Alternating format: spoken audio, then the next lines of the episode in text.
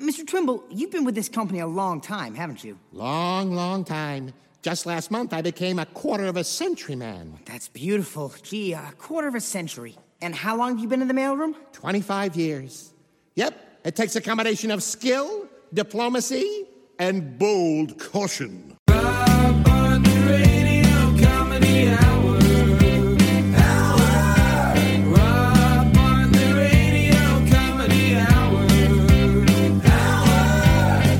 Welcome to the Rob Bartlett Radio Comedy Hour, Season 4, Episode 2 How to Succeed on Broadway.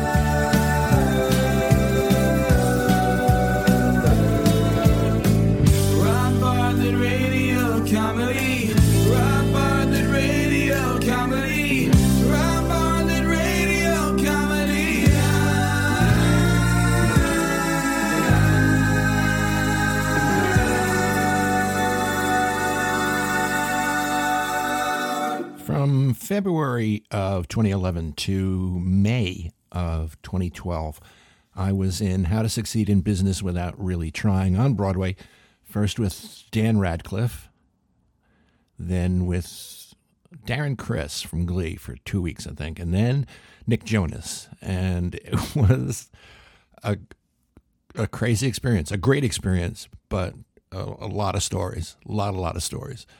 Uh, the audition for it, I was convinced I hadn't gotten the part because I'd already auditioned for the director Rob Ashford before. I knew Rob uh, as a choreographer for uh, City Center Encore's production of Pardon My English, where he attempted in vain to get me to dance. Then I went in for him, Promises, Promises. He did the revival of that with Sean Hayes from Will and Grace but that was one of the worst auditions I ever did. He was very, very kind, uh, but I lost my place in the song, and it was just, just an ill-conceived moment in my career. How to Succeed in Business Without Really Trying was based on a book of the same name. It was kind of a satire of corporate world. How you can use all these little double dealings and dirty tricks and brown nosing to get from the very bottom to the top. It's about a guy named J. Pierrepont Finch who starts as a window washer of the company called Worldwide Wickets, and he rises through the ranks by sheer gumption and really being and being sneaky. And the part I was up for was a dual role, that of Mr. Twimble, the head of the mailroom, and Wally Womper, who was the CEO of the company. It's traditionally played by the same actor. Very beginning of the first act, do a song called The Company Way, a duet with Finch, and then in the second act, come back at the very end for the big show stopping number, Brotherhood of Man, as Wally Womper. So the actor who plays that gets basically to sleep for about an hour and a half in between both roles. I went in and uh, it went in, it went okay, I guess. I, I was prepared, came in, did both roles, and Rob said something along the lines of knowing me as a chameleon. I guess he'd been familiar with my work on Imus and playing all the different characters, whatever. So that kind of gave me the idea that maybe I had a shot. And thankfully, I got the part. We went into rehearsals, I think the end of January. We started previews the end of February, and then we opened in March. Dan Radcliffe is one of the most professional actors I've ever worked with. He showed up at the first rehearsal completely off book, knew all his lines, knew all his songs, including I Believe in You, which is the big number for Finch that became the big hit for Robert Morse when he played the part in the first production in the 60s.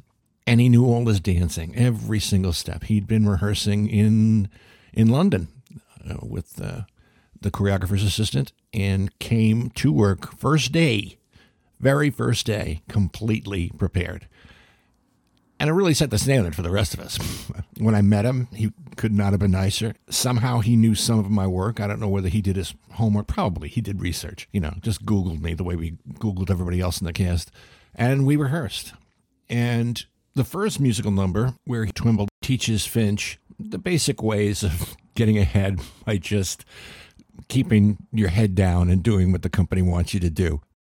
Mr. Twimble, you've been with this company a long time, haven't you? Long, long time. Just last month, I became a quarter of a century man. That's beautiful. Gee, a quarter of a century. And how long have you been in the mailroom? 25 years. Yep, it takes a combination of skill, diplomacy, and bold caution. When I joined this firm as a brash young man, well, I said to myself, now, brash young man, don't get any ideas. Well, I stuck to that, and I haven't had one in years. You play it safe. I play it the company way. Wherever the company puts me, there I'll stay. But what is your point of view? I have no point of view. Supposing the company thinks. I think so too. Uh, what would you say? I if wouldn't say. Your face is a company face. It smiles at executives, then goes back in place. The company furniture. Oh, it suits me fine. The company letterhead is. A Valentine. Is there anything you're against? Unemployment. When they want brilliant thinking from employees. That is no concern of mine. Suppose a man of genius makes suggestions. Watch that genius get suggested to resign. So you play it the company way. All company policy is by me okay. You'll never rise up to the But top. there's one thing clear whoever the company fires, I will still be here. You've certainly found a home. It's cozy. Your brain is a company brain. The company washed it, and now I can't complain. The company magazine. Boy, what style, what punch. The company restaurant. Every day, same lunch. Their haddock sandwich, it's delicious. I must try it. Early in the week, Do you have any hobbies? I've a hobby. I play gin with Mr. Bratt. And do you play it nicely? Play it nicely. Still, he blitzes me in every game like that. Why? Cause I play it the company way. Executive policy is by me okay. How can you get anywhere? Junior, have no fear. Whoever the company fires, I will still be here. You will still be Year after year here. after fiscal. Never take a risk all year. So here I am on stage doing a duet with Harry Potter. It was crazy. The choreography, the initial choreography, I should say, was a little beyond my ability. It was. Rob Ashford is known for his, I guess you would say, athletic choreography, where he has you do basically an aerobic exercise in the form of dance. And this whole thing was choreographed with the mailroom with the passing of letters and big crates full of mail and passing uh, things back and forth. And it was all very tightly choreographed with the mail ensemble and, you know, one hand over the other. It was very, very cool. You can see clips of it, you know, bootleg clips of it on, on YouTube. And it was too much for me. Uh, so they they kind of dumbed it down in order for Fat Boy to not look like he was having an epileptic fit on stage. So once we started performances, we knew that this thing was going to be huge because of Dan Radcliffe. The thing was sold out for weeks and weeks and weeks and weeks and weeks. And the first night of the first preview, the crowd of people that were outside the Al Hirschfeld Theater stage door, it was a mob scene. Dan's bodyguard at the time was this Russian or Ukrainian guy uh, by the name of Spase, who was about the scariest guy I've ever seen in my life. I kind of get the feeling he was in KGB, but this was not a guy you wanted to ever mess with. He was unbelievable. And of course, Dan would sign as many autographs as he could, but had to get in the limo and get the hell out of there because he would have been there for hours with all the people there all the Harry Potter fans and all wearing their glasses and their robes and their Gryffindor scarves and all that kind of stuff. John Larroquette was also in the production. He played Bigley, who was the head of the company, and he was a madman. I mean, a complete madman. Another total pro, knew his lines up and down, back and forth. He wanted Tony for his Broadway debut, but he would go out of his way to try and get me to break on stage. Sold out houses, and he, you know, he behaved himself for the first, I don't know, couple of weeks, and then, as with any Broadway show, you're doing it eight times a week, week after week after week. You kind of do things to keep it fresh, to make it feel like it's the first time you're doing it. And he would, he would play, he would try in the last scene with Wally Womper to make a face or whatever it was to try and get me to break. And he got me once. I have to say it all the times he tried, but man, did he try every single night. He was so much fun to work with. One uh, one night, there, uh, I guess they had announced the Outer Circle Critics Award or nominees or something like that. And John and I would stand backstage during the overture. It was kind of a pre-show ritual. You know, there's a lot of superstition in the theater. And during the first couple of notes of the overture, he would stamp his foot in time three times. And I started doing it with him, and for the rest of the run with him, I did the stamping. And after he left and Beau Bridges took over, I continued the tradition to stamp in his honor. Anyway, uh, Larroquette meets me backstage as uh, usual. Months into the run at this point, and he says, "Congratulations." I said, "For what?" He said, "You got nominated for the Outer Circle Critics Award." And I completely was flabbergasted. I mean, I got choked up. I started to tear. I was like, finally, I'm getting recognition for my acting. And so I run upstairs and I, I'm on my iPad and I'm furiously typing into to see it, you know, the, the list. And my, my, my name isn't there. He's nominated. And of course, Rob Ashford, the director, that Rob was nominated. I guess Larroquette just saw the Rob and and well, I see him before the second act before our scene, and he is so apologetic. He can't believe it. He screwed up like that. And, you know, I guess he knew that I was very excited about the possibility.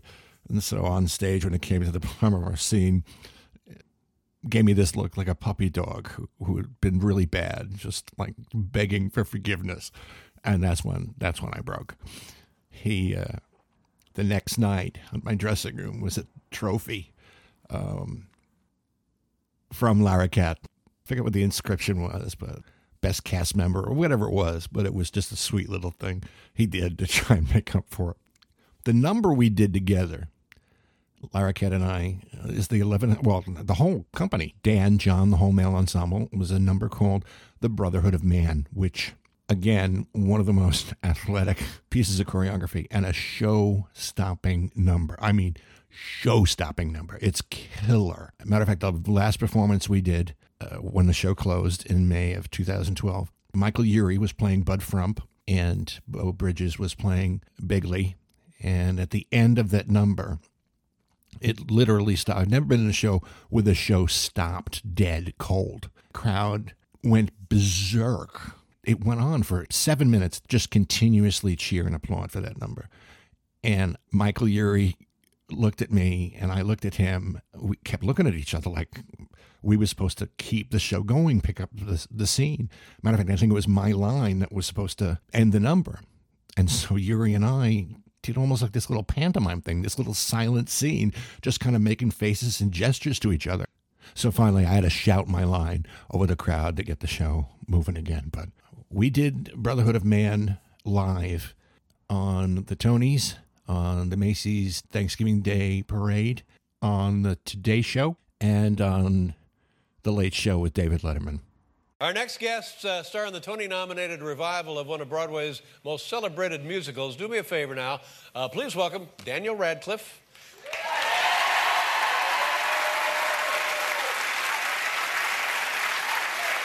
Tony nominated John Larroquette. And the cast of How to Succeed in Business Without Really Trying. Take it away, kids. You see, Wally, I know what's on your mind. You'd like to clear out the whole crowd from top to bottom. But, but before you make any hasty decisions, I'd like to say a few words. About what? Humanity. Now you may join the Elks, my friend, and I may join the Shriners. And other men may carry cards as members of the diners. Still others wear a golden key or small Greek letter pin. But I have learned there's one great club that all of us are in. There is a brotherhood of man a benevolent brotherhood of man. A noble tie that binds all human hearts and minds into one brotherhood of man. Your lifelong membership is free. Keep a giving each brother all you. Oh, aren't you proud to be in that fraternity? The great big brotherhood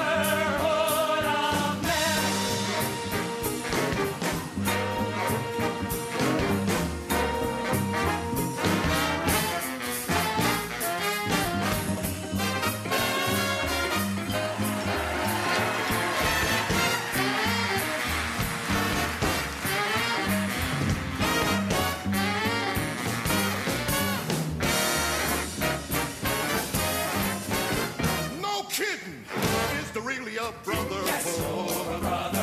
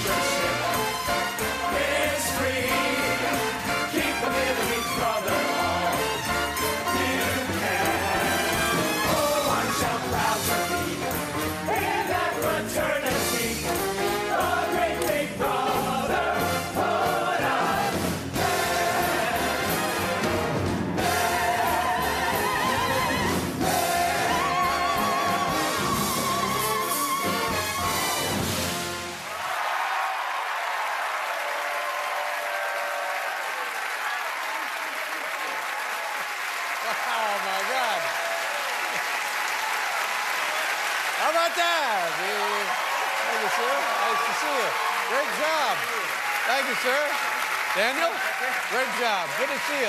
John, thank you very much. Wow. How about that, huh? How to succeed in business. Very nice. Okay, we're going to talk it over and we'll let you know about the audition.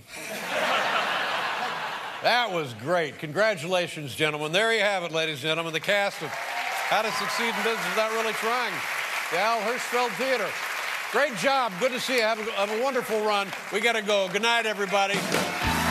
That was a great moment. Just one of the great moments. Doing it on the Today Show with the crack of the ass of morning outside in Rockefeller Center was a, a cool moment, as was doing it at the Tonys, as was doing it at the Macy's Thanksgiving Day Parade. The rehearsal for which we did two nights prior. It was the Tuesday night after a performance. It about midnight on 34th Street. They had shut down the entire street. So we were setting up for the parade, and it was pouring rain. I mean, just pissing rain. And we rehearsed in the rain with these rain slickers on that had no effect whatsoever, dancing in the pouring rain at midnight in New York City. I got a photo of that from my personal archives that I'm going to post uh, on the Rob Bartlett Radio Comedy Hour Facebook page and, and Instagram account, and uh, I'll probably tweet them as well. Just a couple of photos from that time, uh, including a photo of, of Wally Womper, the character who I played to sing that song. He was the window washer who became the CEO of the company. And I decided that one of the first things he did when he made his first money was he bought himself a toupee but never changed the toupee. It had sentimental value. So even when he became CEO, he had the same toupee. So it looked like this dead squirrel on top of my head. It was just one of my ways to make him look different than Mr. Twimble, you know, in lieu of acting. Anyway, Carla, the hair lady, uh, who was in charge of, of the wigs and all that kind of stuff, used to come into my dressing room uh, during intermission to, to set me up so I'd be ready for the last scene and do Brotherhood of Man as Wally Womper. And, and she was out that Saturday night because she also worked at Saturday Night Live uh, doing hair and wigs for them. And it was like a big show. She couldn't get out of it, whatever. Anyway, she wasn't there. They had a substitute person come in. Now, the wig, you know, this little tiny thing that sat on top of my head like a yarmulke, it had to be snapped in with these clips to my actual hair. And then it had to be glued to the front of my forehead on the netting just to ensure that it wouldn't go anywhere. The fill in wig person somehow forgot to glue it, and I wasn't paying attention. Uh, I go on stage to do the number, and it's a very physical number and, and bouncing around all over and turns and twists and jumps, and the toupee comes flying off the top of my head, and I see it arcing to my left, just flying off my head. Fortunately for me, uh, Nick Mayo, another funny man playing one of the executives, saw it and he one hands it over his shoulder, like almost behind him, and catches it. And then the two of us, as part of the choreography, we turn around again. And as we turn, he slaps it back on top of my head. And we continue the number, finish the dance. And we couldn't look at each other for the rest of the show because we, we knew we were just going to lose it. It was a lot of fun. Just a lot, a lot of fun and uh, I miss it. I miss being with those guys. But I miss the cast of every show I've ever been in. You know, I'm uh, Chicago, Little Shop of Horrors, Sweet Charity, Odd Couple, even More to Love, a big fat comedy, which is where I made my Broadway debut as author and star, which will be the subject of another Rob Bartlett Radio Comedy Hour, is because that's the story that needs to be told. I'll put it to you this way. You know, there's a broken heart for every light on Broadway. Well, the review of the Times, I'll, I'll give you the poll quote from the Times Review. It was, avert your eyes. Not exactly the kind of thing you can, you know, hang off a marquee to sell tickets. That'll be for a future Rob Bartlett Radio Comedy Hour. But I'll be posting uh, photos for you to check out of, of some of the things I talked about in this episode. And uh, If you want to know what's going on in Robbio World, check out the Rob Bartlett Radio Comedy Hour Facebook page or our Twitter account at the Robbio. On Instagram, Rob Bartlett Radio Comedy or Robbio007. And you can always drop us an email, Robbio Radio Comedy Hour at gmail.com. Spread the word. Tell your friends. Tell your family. Click the subscribe button wherever you downloaded this episode. Just click the subscribe button, and that way every new episode will be waiting for you. You won't have to go looking for it. And if you go over to Apple Podcasts and leave us a good review, five star review, that'll help get the word out. Our program produced by Gary Grant and me, Rob Bartlett, actorized by me, Rob Bartlett, written by the great Andrew Smith, along with me, Rob Bartlett. The Rob Bartlett Radio Comedy Hour theme, music and lyrics by Gary Grant, recorded and performed by Steve Mecca. All stunts done by me, Rob Bartlett. Mr. Bartlett's Wardrobe by Botany 500. No animals were harmed in the production of this podcast. We'll see you again next time on the Rob Bartlett Radio Comedy Hour, boys and girls. And until then, be good to each other, ya?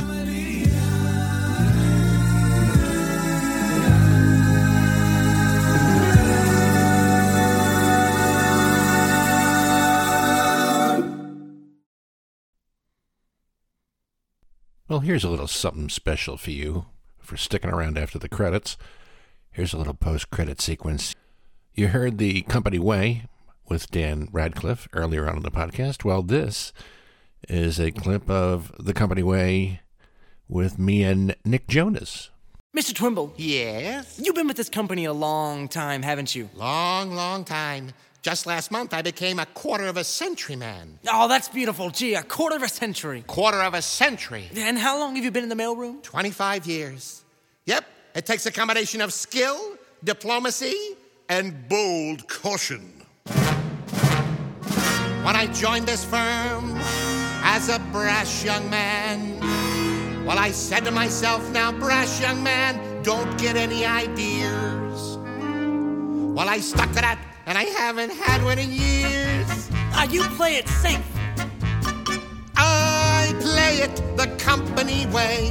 Wherever the company puts me there, I'll stay. But what is your point of view? I have no point of view. Supposing the company thinks. I think so too. Well, what would you say if they I you? wouldn't say.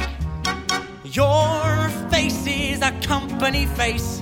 It smiles at executives, then goes back in place. The company furniture. Oh, it suits me fine. The company letterhead. A Valentine. Is there anything you're against? Unemployment. When they want brilliant thinking from employees. That is no concern of mine. Suppose a man of genius makes suggestions. Watch that genius get suggested to resign. So you play it the company way. All company policy is by me, okay. You'll never rise up to the top. But there's one thing clear whoever the company fires, I will still be here. Oh, well, you've certainly found a home. It's cozy. Your brain is a company brain. The company washed it and now I can't complain. The company magazine. Boy, what style, what punch. The company restaurant. Every day, same lunch. Their haddock sandwich, it's delicious. I must try it. Early in the week. Do you have any hobbies? I've a hobby. I play gin with Mr. Bratt. And do you play it nicely? Play it nicely. Still, he blitzes me in every game like that. Why? Cause I play it the company way. Executive policy is by me, okay. How can you get anywhere? Junior, have no fear. Whoever the company fires, I will still be here. You will still be here. Year after year after fiscal. Never take a risk oh all year.